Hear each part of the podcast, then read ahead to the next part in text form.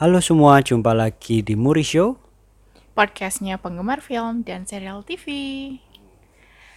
Ah, jadi akhirnya kita take lagi ya. Setelah berapa lama? Setelah kurang lebih eh, empat bulan ya, empat bulan. Lumayan banget. Berarti terakhir kita itu rilis episode em, kapan sih? Januari ya? Januari bahas Bad Boys. bad boys, bad boys. Karena eh memang sekarang kan sedang ada pandemi yang melanda dunia. Bener banget. Eh, jadi memang dari bioskop juga tutup kan, semua bioskop tutup. Jadi hiburan-hiburan praktis sekarang streaming-streaming kan lewat semacam Netflix, HBO Go, Dan dan lain-lain. lain-lainnya.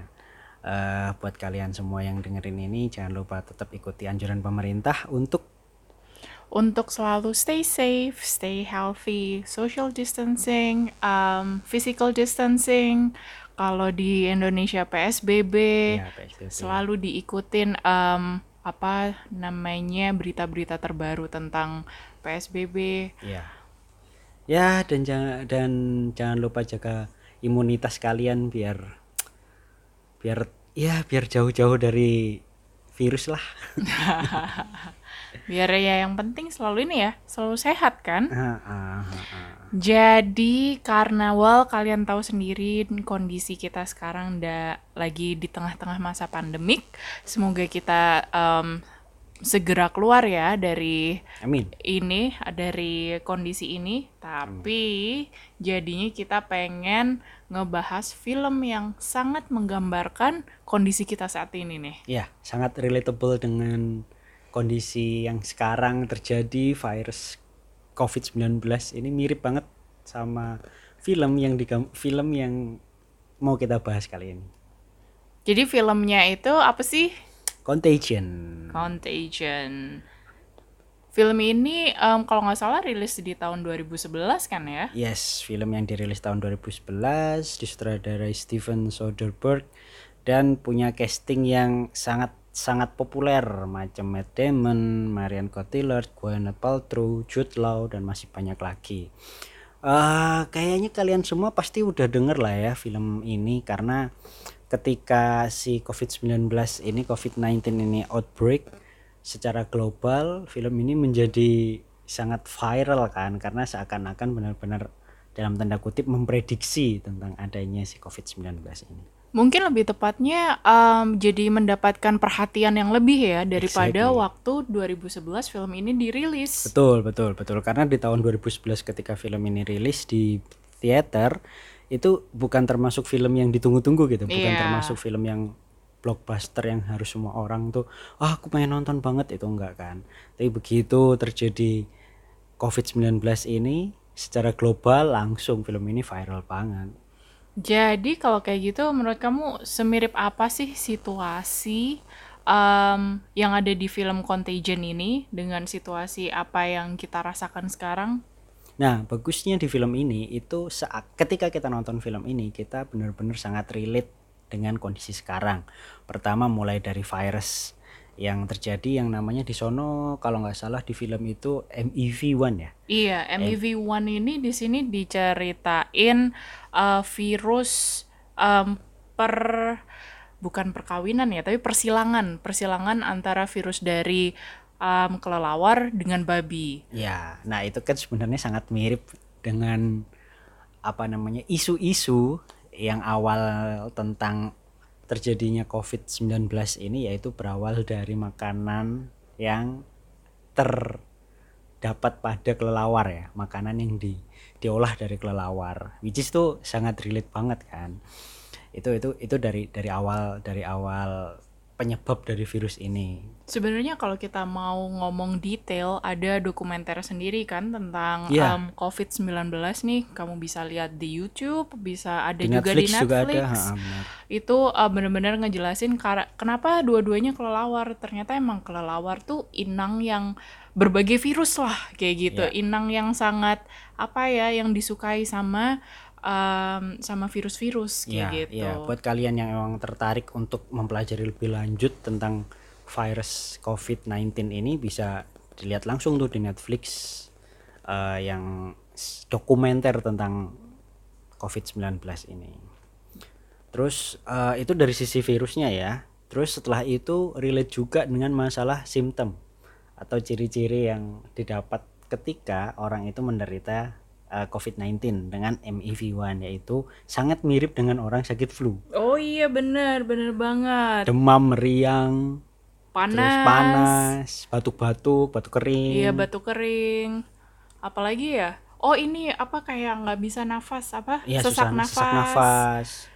Em, terus habis itu lumayan cepet juga kalau nggak salah em, inkubasinya. Ya, kalau kalau kalau di film Contagion itu kan jenis virusnya memang virus yang sudah apa namanya? eh, ke udara tuh. Eh, airborne. Iya, sudah airborne. Sedangkan kalau COVID-19 kan lebih ke droplets kan karena ada percikan-percikan eh, misalnya air liur atau ingus yang keluar pada saat bersin semacam itu. Eh, belum separah MEV1 mungkin ya kalau kalau kalau si COVID-19 ini gitu dan semoga jangan sampai jadi airborne juga. Iya, jangan sampai amit-amit. Ya. Terus apalagi? Apalagi ya? Em, yang sebenarnya yang ngerasa tuh ini sih lockdownnya. Oh, Karena di lockdown, film ini kan juga di lockdown tuh. Kalau nggak salah di Chicago sama di mana ya yang di kota-kota di Contagion ini. Iya. Tapi kalau di em, apa yang terjadi di kita itu bahkan udah sampai worldwide. Sa- ya sangat disayangkan. Tapi itu udah sangat digambarkan nih di film Contagion karena awal dari virus MEV1 di film ini itu dari Hong Kong. Terus habis itu em, salah satu turisnya yang orang US pulang ke em, United States em, dan akhirnya em, eh, menularkan ke kota tersebut. Sebenarnya kan hampir mirip kalau kita lihat dari virus yang COVID-19 ini terjadi, itu kan juga berawalnya dari Asia Timur juga, dari Chinese, utamanya di kota Wuhan kan, sampai akhirnya menyebar ke mana-mana, which is sama kan sebenarnya eh, dengan kejadian yang terjadi di film Contagion ini juga dari Asia Timur juga, tapi lebih ke Hong Kong kan di situ, Makau Iya, sih, di ke Makau. Makau, Heeh, di Makau, terus ke Hong Kong, terus menyebarlah akhirnya ke US gitu. Sebenarnya yang keren um, mungkin di film mungkin karena film ya. Jadi um, di situ kan di akhirnya diceritakan siapa sih patient zero-nya kayak gitu. Hmm. Sedangkan kalau kita ini tuh udah too big. Jadi kayaknya nggak mungkin kita tahu tuh patient zero-nya tuh siapa. Kita cuman bisa tahu awal outbreak-nya dari mana. Tapi patient zero bisa misalnya ke Indonesia atau ke negara Eropa yang lainnya itu seperti apa tuh udah nggak untraceable atau mungkin ditutupi tapi kita tidak tahu. Iya. Kalau aku sih lebih percaya sama teori yang ditutupin sih. Karena pada dasarnya semua itu masih bisa ditelusuri kayak gitu. Apalagi dengan teknologi sekarang yang udah sangat canggih, harusnya dan idealnya itu bisa lah ditelusuri siapa yang menjadi awal si patient zero-nya ini siapa tuh bisa lah. Sebenarnya benar sih, soalnya di film Contagion ini em, ada salah satu agen dari WHO yang dimainin sama Marion Cotillard. Em, dia itu em, spesialisasinya untuk penanggulangan em, pandemik. Ya. Jadi dia em, memprediksi nih em, berapa banyak em, pasien yang akan em, misalnya yang em, bakalan kena nih di Cina, terus habis itu bakalan kena di Hong Kong, bakalan kena di negara mana kayak gitu dan untuk nyetopnya gimana dan em, berusaha convince government setempat untuk nutup tempat-tempat yang em, udah red zone gitu. Hmm. Em, jadi em, kalau ngelihat dari film ini sebenarnya udah traceable ya. Iya, Tapi iya. Eh, well ya, tapi ini bukan podcast Iya. yang ngebahas Kontroversi global kontroversi global, atau tapi konspirasi global. betul, tapi ya begitulah kenyataannya. Nah, selain itu yang kita juga bisa bisa memahami atau ngerelate tentang film ini salah satunya juga ketika Kate Winslet selaku tim medis Ya dari kan- CDC ya dia. ya dari CDC itu kan juga akhirnya menderita juga sama kan eh, yang kita sering lihat atau kita sering baca di portal berita sekarang kalau eh, banyak rekan-rekan kita yang dari medis itu akhirnya menjadi korban juga dari COVID-19 itu kan sebenarnya hal yang sama juga dan Betul. juga digambarkan di film Contagion juga Betul. bahwasanya mereka sebagai tim medis itu juga berkorban loh karena kan mereka harus ngerawat secara tidak langsung akan menyentuh Betul. secara tidak langsung mungkin terciprat Iya. kayak gitu kan Sebenarnya, keringat atau Em, apa pun ini gitu. sih bahayanya medis itu karena em, tenaga medis itu kan supply-nya sedikit, sedangkan demand-nya semakin naik semakin naik. Hmm. betul betul Em, terus dia nggak ada tenaga, imunitas menurun. Nah itu yang bahaya. Iya betul betul karena uh, keterbatasan keter- keterbatasan tenaga medis Iya. kan sedangkan kalau misalnya si virus ini terus-terusan menyebar ke mana-mana tentunya Mm-hmm. pi- pihak medis ataupun dari alat-alat medisnya pun juga akan sulit untuk bisa menjangkau semua pasien kan Benar. Jadi sebenarnya em, aku sih sangat ini ya em, ngerti banget makanya kenapa ya udahlah apa stay at home, social distancing dulu karena Exactly. em, itu satu-satunya hal yang kita bisa bantu sebagai Betul. em, penduduk normal yang bukan tenaga medis gitu. Mm, mm, mm.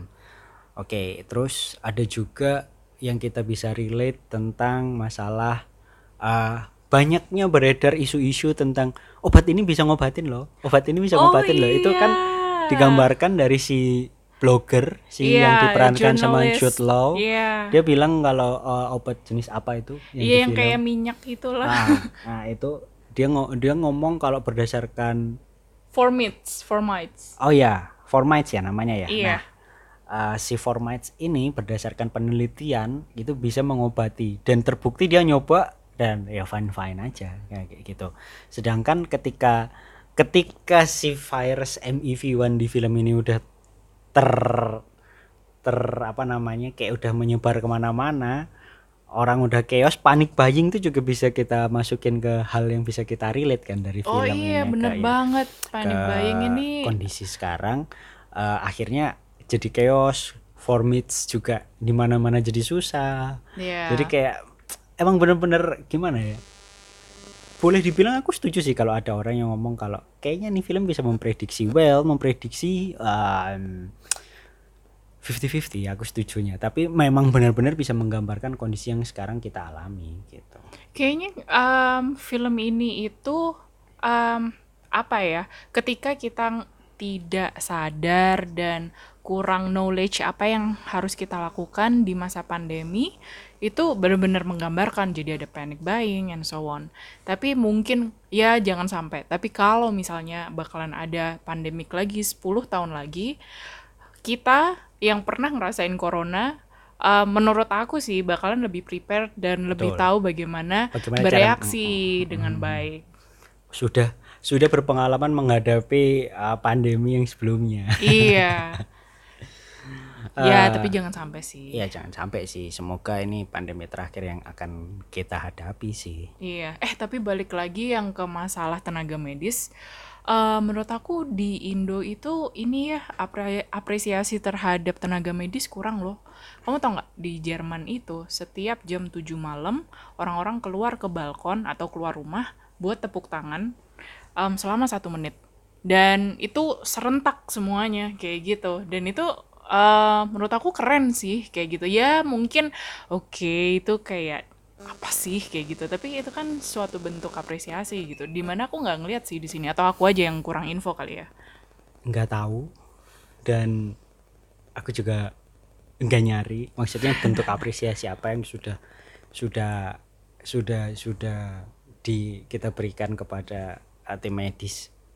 Selain ya, selain misalnya kita ikut mengikuti program pemerintah, ngasih bantuan ini itu, tapi kalau misalnya apakah ada semacam uh, kegiatan atau hal-hal tertentu yang kita lakukan itu kayaknya aku belum pernah baca. Jadi deh kalau gitu ini bentuk apresiasi aku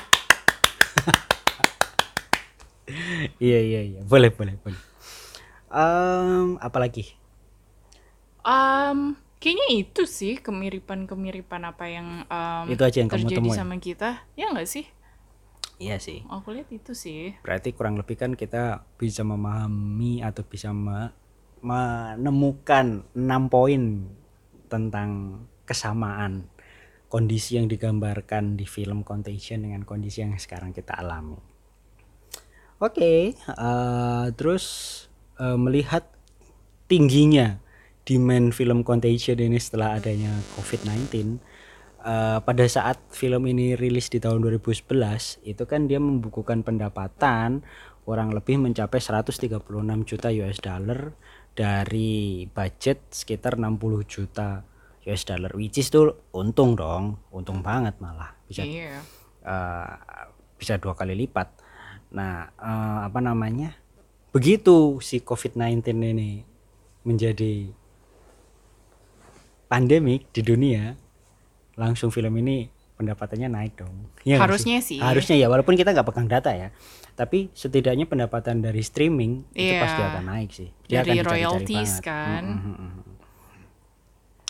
itu sih jadi buat menurutku buat kalian-kalian semua yang uh, udah nonton dan mau berpendapat boleh juga berpendapat dengan ngirim email ke kita ataupun komen di Instagram kita uh, di Instagram kita tuh di @murishow Mhm. dan di email kita di kontak murishow at gmail.com Iya. untuk mau ikut ngebahas juga nggak apa-apa Iya. Mau seru-seru aja Atau bisa juga komen di um, Instagram kita ya. Langsung aja di bawahnya kan kita Hmm, ada betul. langsung di komen boxnya aja. Ah, sel- sebenarnya selain film Contagion tuh sudah cukup banyak juga yang ngebahas film tentang virus-virus atau outbreak virus.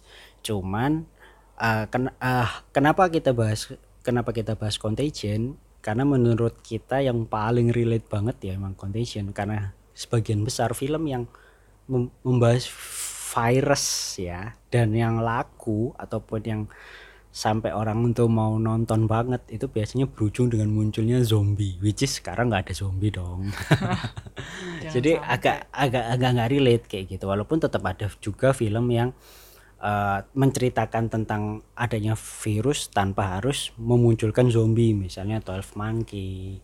Itu juga enggak The Flu yang ada film di Korea itu kan.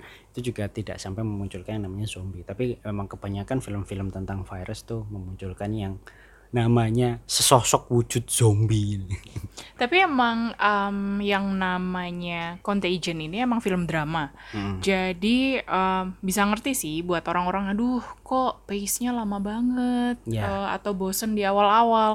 Memang ini film drama. Itu yang pertama dan yang kedua ini sangat um, apa ya? realistis. Hmm. Eh, menggambar ya mu nggak tahu sih serealistis apa karena kita bukan orang medis atau orang pemerintah ya tapi em, menurut kita masuk akal lah ceri- em, plot yang diceritakan di sini em, kayaknya tuh realistis gitu jadi em, makanya kenapa itu sangat relatable em, dengan kondisi kita sekarang Ya. gitu Ya, betul banget. Memang kalau kalian mengharapkan film yang akan seru ditonton dari awal sampai akhir, ya film ini akan akan sangat tidak seru. Dalam artian film ini sangat slow burning, sangat drama, tidak ada adegan-adegan action ataupun adegan-adegan yang menggugah adrenalin gitu nggak Iya. ada kayak gitu. iya iya bener emang bukan em, tipe film yang entertaining ya Mm-mm. lebih ke em, dokumenter fiksi gitu ya Iya, kurang lebih. iya Karena kan memang dari dari si sutradara sendiri kan sebenarnya dia terinspirasi dari adanya virus SARS kan kalau nggak salah yang terjadi di tahun 2004 dan pandemic flu pandemic flu di tahun 2009 kayak gitu. Sebenarnya dia menggabungkan antara dua virus ini dan kebetulan sangat kebetulan 10 tahun kemudian di tahun 2000 sorry 11 tahun kemudian di tahun 2020 beneran terjadi kayak gitu. iya ada lagi. Jadi em, makanya kenapa ini sangat relatable. Dan Exactly. kalau kalian belum nonton harus banget nonton. Karena banyak ilmu yang bisa dilihat. Iya iya iya. Benar banget eh kayaknya itu aja sih yang kita bisa bahas tentang film ini sekaligus mengawali kembalinya kita ke dunia podcast setelah empat bulan absen. Yeay! Semoga setelah ini kita akan kembali rajin lagi untuk upload podcastnya semoga kita jago bagi waktu untuk rekaman. Iya dan semoga bioskop cepat-cepat buka lagi. Yeay amin. Oke eh kita rasa itu aja. Kamu ada yang mau tambahin? Um, jangan lupa kalau misalnya kalian ada um, suggestion kali ya, nggak cuman komen tentang Contagion, tapi suggestion film apa sih yang kita perlu bahas, um, langsung komen di Instagram kita atau email um, atau buka website kita. Iya, jangan lupa buka web- website kita juga. ah itu aja. Oke, kita berdua pamit. Dadah, see you. Bye.